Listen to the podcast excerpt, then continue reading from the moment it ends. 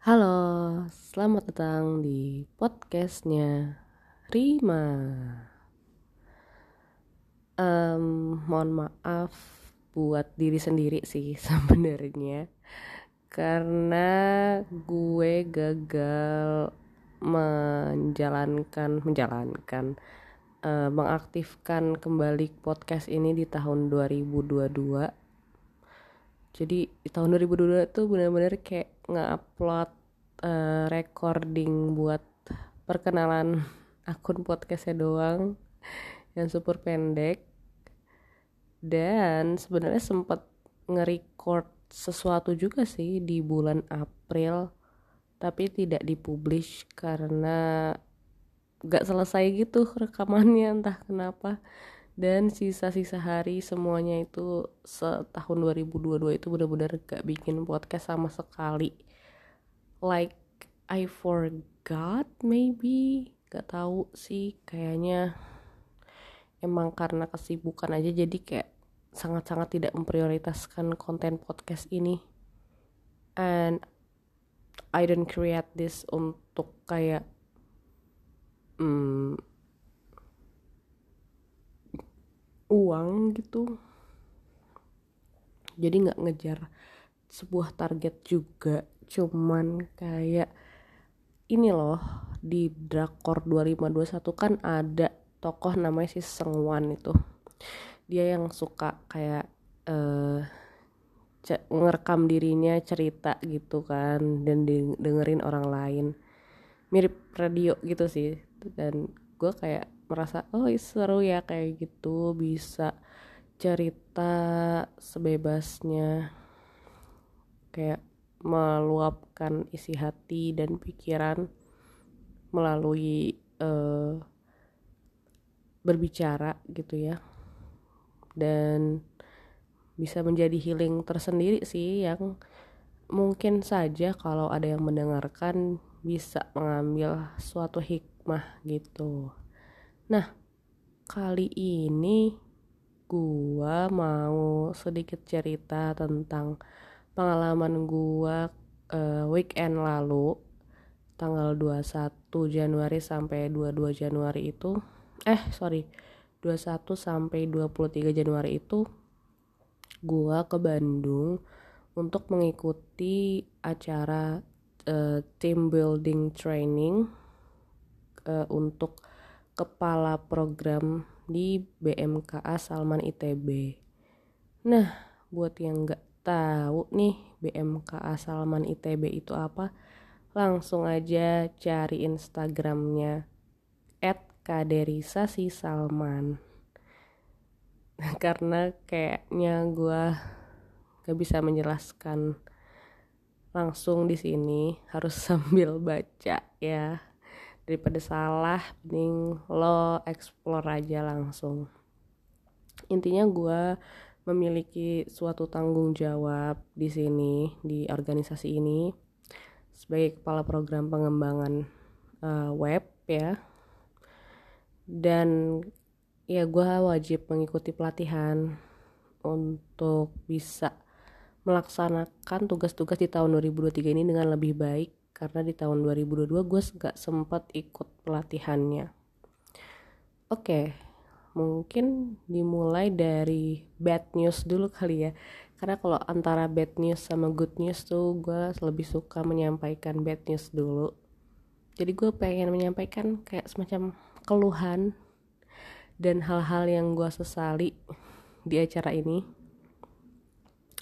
Yang pertama adalah mungkin yang ini semacam apa ya? Semacam uh, keluhan sih jatuhnya. Parah banget. Tapi kalau ada panitia yang denger ini this is just like an advice uh, dari sudut pandang gue. Gue nggak nggak menghakimi kalian sebagai uh, panitia yang kayak seenak jidat. Enggak ya. Kayak it's your choice guys. Dan gue cuma menyayangkan aja yaitu keputusan kalian untuk tidak membagikan rundown sebelum acara. Gue tahu sih gue paham mungkin untuk kayak surprise uh, or something I don't know. Tapi menurut gue rundown itu sangat bermanfaat sangat penting bagi gue yang musafir. Kebanyakan kapro-kapro lain. Ini kapro itu singkatan dari kepala program ya yang ikut pelatihan ini juga. Kapro lain tuh kebanyakan orang Bandung gitu. Kalau gue juga orang Bandung kayaknya it's okay lah nggak ada rundown. Masih uh, lumayan inilah. Tapi gue kan orang Jakarta ya. Gue bawa baju itu limited sekali. Dan I didn't know tentunya kalau bakal uh, pergi keluar Salman di hari Ahadnya tuh alhasil lah itu gue pakai baju gamis yang sama di hari Sabtu dan Minggunya. Ya sebenarnya nggak masalah it's not a big deal tapi kayak gue menyayangkan aja sih kayak ah kalau gue borok dua tuh gue udah ganti baju gitu. At least gue ke masjid raya Al Jabar uh, agak prepare dikit gitu. Bajunya lebih bersih dikit gitu kan. Gue agak menyayangkan itu aja sih. Dan juga kayak um, mungkin ada beberapa barang lain yang gue harusnya bisa uh, prepare lebih juga kalau gue tau rundownnya. Lalu apalagi ya yang gue sesalin itu uh, diri gue sendiri juga tentunya. Yang uh, lumayan ngantuk lumayan unmotiv apa unmotivated kali ya. Kayak uh, kayak nggak nggak bermotivasi banget kurang semangat. Mungkin perkara umur juga kali ya. Kayak di antara kapro-kapro lain tuh gue termasuk yang uh, paling senior gitu. Yang lain kayak masih pada kuliah gitu. Sementara gue kayak udah lulus nih sekitar dua tahun lalu. Oh tiga tahun deng ya. Jadi gue yang kayak um, apa ya mungkin kurang cocok aja sama uh, beberapa apa um, ininya ya konsep konsep penyemangatan oleh MC atau oleh gue nggak tahu nih gimana nyebutnya tapi ada beberapa hal yang kayak gue nggak udah nggak bisa lagi tuh yang namanya uh, bener-bener ngikutin dengan semangat full gitu karena uh, kita yang udah kerja itu pikiran beban pikirannya sudah berbeda dengan yang masih mahasiswa gitu. Jadi kayak mungkin karena itu jadi gue kayak yang lumayan apa ya agak mager-mageran gitu. Dan gue sebenarnya sempat ditunjuk itu buat jawab uh, ini suruh maju buat kayak semacam share insight dari suatu kegiatan. Setelah menyelesaikan suatu kegiatan gitu. Kegiatan itu kayak ngelingker bareng uh, kapro yang satu sub bidang dengan uh, wakil ketua. Nah di situ kayak setelah setelah kegiatan itu tuh gue ditunjuk buat sharing di depan sebentar kayak uh, insight apa yang didapat dari kegiatan itu. Gue kan ya apa ya level public speaking gue itu masih di level yang di mana gue nggak bisa spontan gitu gue harus tahu apa yang mau gue bicarakan di depan umum uh, dan waktu itu gue nggak tahu kan. Gue belum menyiapkan tuh. Jadi gue masih butuh uh, waktu buat memproses insight yang gue dapat dari kegiatan itu. Makanya pas maju ke depan gue kayak um, yang jawabannya tuh rada kurang apa ya kurang berfaedah kali ya. Karena setelah gue pulang dari Bandung gue baru ke kepikiran tuh jawaban dari pertanyaannya. Oh my god kayak ternyata tuh sebenarnya gue baru sadar. Kayak pertemuan dengan wakil ketua sub bidang kita tuh bener-bener apa ya membuat gue jadi berpikir lebih jauh ke depan mungkin. Kayak si bapak wakil ketua ini kan kayak uh, masih muda tapi kayak udah S3 gitu. Jadi S1 S2 nya di ITB S3 di Jepang. Dan uh, secara sukarela menjadi wakil ketua subbidang untuk menerima konsultasi dari kepala kapro juga gitu. Nah kayak menurut gue gue ngeliatnya kayak wow it's something that so good to do gitu. Maksudnya beliau kan sibuk juga pasti. Dan apa ya ya deserve position yang uh, bergaji besar. Tapi beliau mau berkontribusi di Masjid Salman.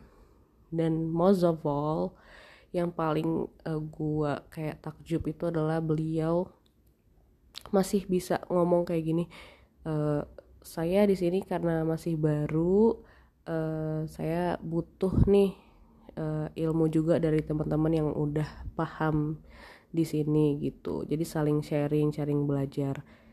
Gue kayak wow skalanya tuh S3 loh. Jadi yang kayak um, mohon maaf nih bapak bapak kan S3 gitu kayak kok bisa uh, sehumble itu kayak gue aja tuh yang S1 ya kadang-kadang tuh sombong banget gitu merasa paling pinter di ruangan. Itu bapaknya yang emang kayak apa ya ya emang mengakui bahwa yang namanya orang S3 itu ya ya excel di bidangnya gitu. Bukan berarti excel di seluruh bidang dan tetap butuh belajar kepada orang lain meskipun orang lainnya itu memiliki jenjang pendidikan yang lebih rendah jadi kayak gue baru sadar kayak wow.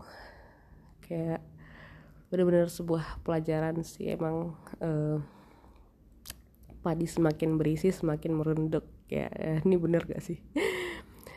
Pokoknya gitu ya semakin banyak belajar emang semakin sadar bahwa kita ini uh, fakir ilmu. Dan um, ya itu sih. Dan gue nggak sempet nih menyampaikan opini gue waktu ditanya insightnya. Uh, jadi kayak yaudah deh nggak apa-apa deh. Gue tuh sering banget deh kayak gini kayak nyesel gitu nggak jawab dengan baik pertanyaan. Tapi ya udahlah gue walaupun gue rada malu tapi ya udah. Uh, yang penting gue bisa mendapatkan insightnya dan semoga bisa menerapkan uh, yang gue dapatkan. Oh dan satu lagi gue juga jadi kayak mikir gitu uh, mungkinkah gitu suatu hari nanti gue bisa ada di posisi bapaknya gitu menjadi wakil ketua sub bidang di BMK Salman ITB itu. Kayak uh, kayaknya tuh ideal banget gitu. Suka bener-bener suka rela tanpa mengharapkan uh, materi sedikit pun uh, berkontribusi mau berbagi ilmu yang udah didapat gitu. I think that is a very great experience. Kalau misalnya gue bisa berada di posisi tersebut. Hmm menarik menarik. Nah lanjut uh, tadi udah uh, bad newsnya dan keluhan. Uh, nextnya gue pengen sharing insight yang gue dapet uh, dan pembelajaran baru. Yang pertama adalah dari materinya Mas Syarif terkait kesalmanan dan uh, peran kaderisasi dalam mewujudkan peradaban uh, yang sesuai dengan Islam ya peradaban yang ideal. Di uh, apa sih peradaban yang ideal itu tuh? Yang di mana manusia-manusianya itu unggul dan saling melayani dan tentunya beradab gitu ya. Dan apakah peradaban itu sudah ideal sekarang? Belum ya. Dan seperti yang Mas Syarif selalu tanyakan di acara-acara Salman itu apa adab masuk WC atau masuk toilet? Ayo. Ya kalau dari pengalaman belajar pendidikan agama Islam kita tahu adab masuk WC itu kaki kaki kiri dulu. Terus um, jangan berlama-lama. Terus juga um, gak boleh nyanyi uh, dan juga sebelumnya harus baca doa dulu sebelum masuk toilet. Nah tapi ada satu uh, adab masuk WC yang banyak sering banget dilupain sih ya. Apalagi di rest area tol yaitu menjaga kebersihan toilet. Itu tuh adab yang sangat penting juga ya karena kan kita kata Mas Syarif gini kita tuh berdoa kan eh, sebelum masuk kamar mandi apa ya kita juga sering banget minta untuk uh, diri ini dibersihkan dari dosa. Tapi kita masuk toilet aja tidak menjaga kebersihan gitu. Itu kan kayak um, gimana ya kurang banget lah kualitas kemuslimannya itu ke mana gitu. Ini buat yang tersinggung mungkin karena belum menjaga kebersihan toilet it's okay. It means that you know that you are wrong. Uh, dan gue juga dulu eh, nggak uh, yang bersih bersih banget juga sih. Tapi kayak setelah denger itu tuh kayak gue jadi lebih mindful ketika masuk WC lebih memikirkan manusia lain yang akan menggunakan WC tersebut setelah gue gitu. Jadi kalau bisa kayak ya udah disiram-siram dulu lah at least. Terus eh, nggak uh, buang sampah sembarangan. Pastikan di WC-nya itu nggak ada kotoran yang menempel. Dan kalau pakai ember airnya diisi lagi.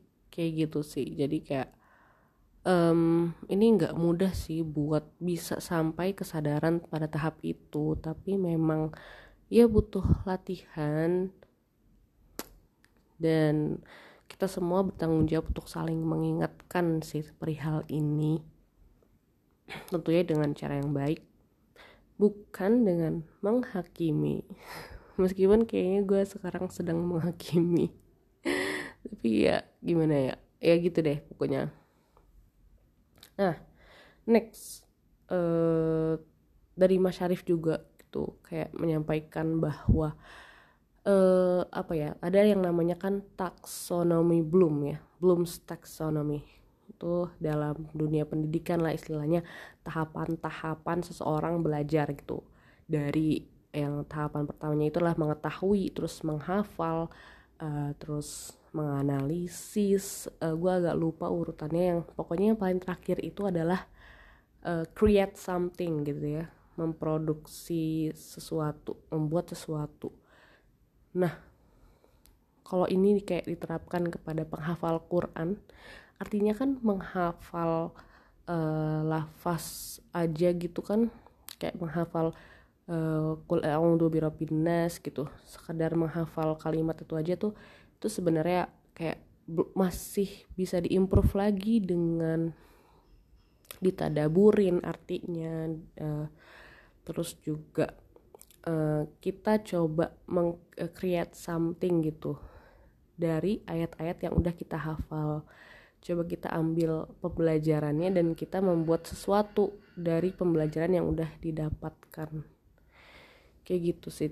Gue jadi kayak yang tertampar gitu ah iya bener kayak keren banget sebenarnya dari menghafal Al-Quran dan memahami ini kita bisa loh buat sesuatu atau sesederhana uh, konten gitu yang menyampaikan nilai Islam gitu. Oke, terus juga yang ketiga itu gue belajar hal baru ya itu tentang team development stage. Jadi kayak uh, fase-fase dalam pengembangan sebuah tim ya. Yang pertama ada uh, forming atau pembentukan tim itu kayak baru digabungin nih orang-orangnya. Yang kedua terus ada uh, what is it? Uh, storming ya. Storming tuh kayak semacam fase di mana orang-orangnya mulai ada yang hilang-hilangan terus masuk ke fase norming.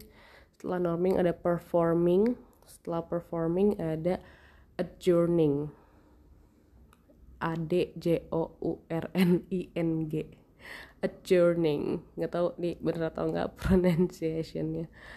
Tapi ya itu tadi kayak itu menarik banget sih uh, fase-fase pengembangan timnya. Karena setelah gue beberapa bulan menjadi kepala program tuh kayak emang ternyata uh, kerasa banget gitu fase-fase tadi walaupun emang fasenya bukan kayak dalam kesatuan tim gitu tapi per orang malahan ya jadi kayak ada yang ketika satu uh, si A ini sedang mengalami performing ternyata si B malah mengalami storming gitu kayak lagi down gitu. Jadi gitu sih kayak menarik banget sih. Tapi strategi strategi-strategi yang ditawarkan pada tiap fase sih yang lebih gue perhatikan agar gue bisa uh, menghandle ketika emang fase itu terjadi di tim gue dan nggak panik kayak gitu. Jadi ya gitu deh uh, cerita gue di akhir pekan kemarin gue berharap banget di tahun ini gue bisa lebih baik lagi. Apalagi ini lagi bulan rajab ya teman-teman. Um, gue benar-benar apa ya alhamdulillahnya alhamdulillah gue lagi di fase uh, mindful dan uh, lumayan stabil sih mentalnya. Uh, mungkin karena gue tuh habis baca suatu buku yang lumayan uh, cocok untuk gue dan juga gue kayak apa ya alhamdulillah kayak Allah tuh masih ngasih gue lingkaran kebaikan dan gak cuman satu ya lingkaran kebaikan yang ada di sekitar gue tuh.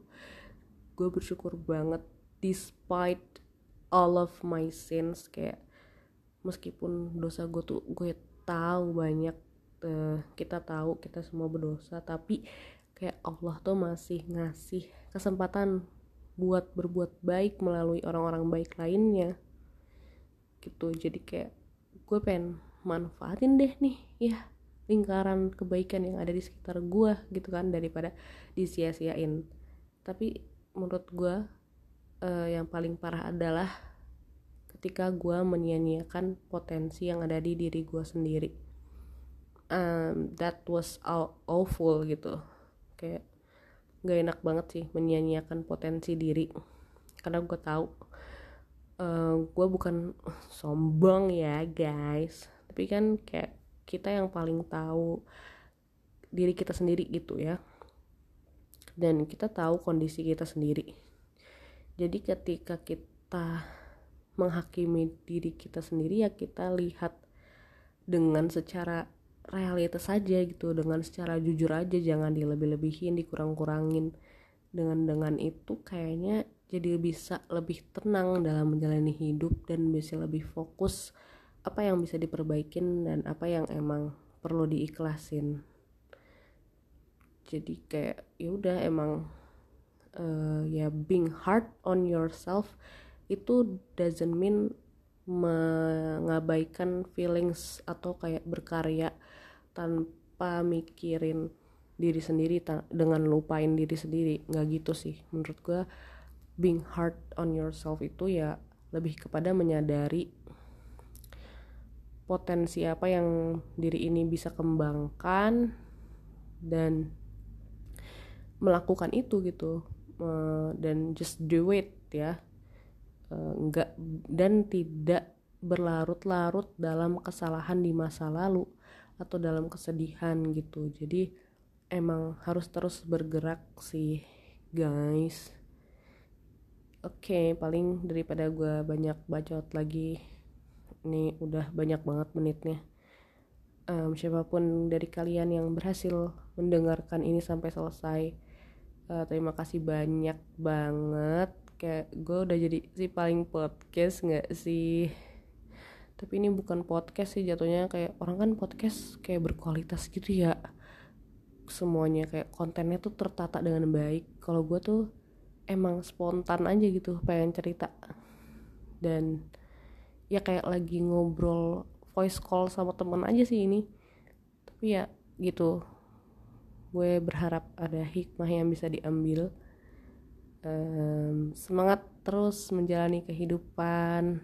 Kalau kamu yang mendengarkan ini adalah Gen Z semangat karena kita akan uh, menjadi pemimpin bangsa di masa depan yang tidak akan lama lagi nih.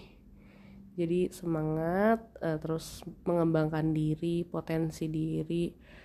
Um, tidak perlu saling apa ya menganggap satu sama lain itu adalah musuh. Tidak perlu memberikan peringkat-peringkat satu sama lain kayak oh gue lebih baik dari dia. Oh gue masih kurang dari dia. Nggak perlu kayak gitu menurut gue karena kita semua punya jalur uh, perlombaan masing-masing. Intinya semoga kita bisa bertemu dengan diri kita sendiri di masa depan yang lebih ideal asik sotoy banget gitu. Ya deh um, bye